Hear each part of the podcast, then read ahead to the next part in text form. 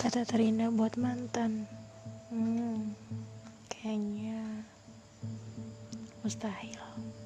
Karena yang terindah pasti bukan mantan, tapi masa depan kita dengan pasangan yang kita pilih.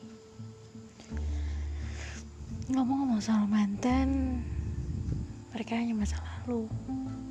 Masa lalu yang memberikan bekas dan jadi pembelajaran ke depan.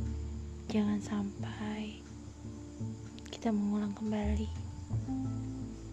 Aku gak nyalain orangnya, tapi perlakuannya. Gak ada pihak yang mau berpisah dalam sebuah perjuangan.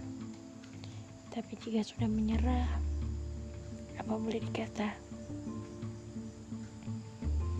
Hal yang paling bodoh aku rasakan menangisi kepergiannya dan membuat kedua orang tuaku sedih. Di situ aku merasa aku benar-benar mengalami kekalahan yang amat sangat dengan kondisi, dengan keadaan, dan dengan diriku sendiri. Tiada yang ingin melepaskan apa pun itu yang sudah belajar untuk jadi genggaman. Tapi nyatanya seerat dan sehebat apa pun kita ikat, kita pegang. Pada dasarnya dia akan lepas, maka juga akan lepas. Jadi sekali lagi untuk para mantan, aku juga tak ingin semuanya berakhir demikian tapi untuk menjadi sesuatu yang kemudian bisa kamu kenang sebagai pembelajaran. Aku tak akan pernah menyebut kalian mantan terindah. Cukup kalian adalah seseorang yang hadir, tapi tak untuk aku miliki. Begitu pula berlaku kepada kalian yang bertemu denganku, tapi tidak beruntung untuk memilikiku. Mantan maunya dapat selalu tantangan. Tapi membelakangi orang-orang yang percaya pada kita itu adalah suatu kesalahan. Berapa banyak di luar sana yang menutupi segenap kesalahannya? Hanya demi sebuah kata terhormat.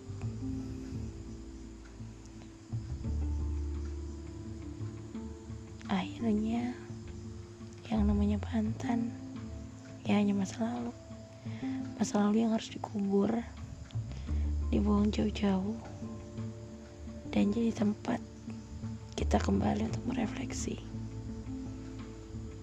Kenapa harus melalui jalur ini? Walaupun aku tahu salah sekarang pun masih kulakukan. Tapi bagaimana harus mengulang dari awal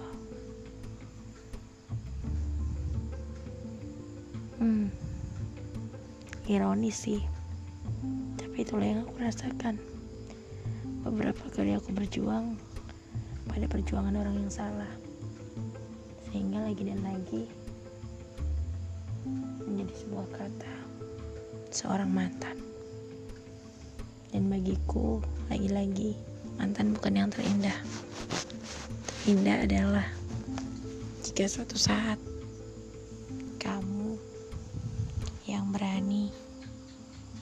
mengucapkan namaku beserta binti dari kedua orang tuaku di hadapan seluruh keluarga besarku dan keluarga besarmu yang selalu menjunjung setia apa makna pengorbanan dan apa makna sebuah ketulusan juga kejujuran dan kepercayaan. Yang lalu biarkan kau juga menjadi pembelajaran untuk dirimu yang lalu, aku bisa berkata apa jika memang kamu sudah berlalu? Dan bagiku, jangan pernah membuka suatu buku yang sudah usang, yang kita tahu akhir ceritanya, untuk mengulang kembali. Seperti itu sih menurutku. Kata sebuah mantan. ada beberapa orang yang memang singgah di dalam hidup kita. Tidak untuk ditakdirkan memiliki diri kita, tapi hanya sekedar menjadi seseorang yang hadir, kemudian pergi kembali. Tiada yang salah akan hal itu. Yang salah, kenapa kita harus berlarut dalam memaknai sebuah perpisahan? Sedangkan hakikatnya kita hidup di dunia, semua nanti juga akan berpisah. Semua juga nanti tidak akan jadi satu. Jadi, jika sekarang kamu berada di posisi harus bisa mengikhlaskan, harus bisa melepaskan, mungkin itu jalan terbaik.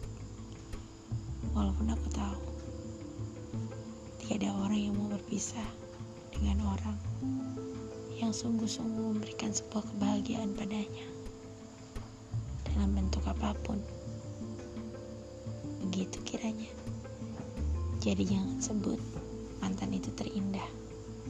Mantan hanya masa lalu yang masih terus membelenggu jika tidak kamu lepaskan. Jadi, berjalanlah. Bersahabatlah dengan waktu kekecewaan yang pernah terjadi akan sebuah perpisahan adalah obat untuk membuat kita senantiasa bijaksana mengambil keputusan kemudian. Jangan menyerah kalian yang pernah berjuang, kemudian hanya dilepaskan.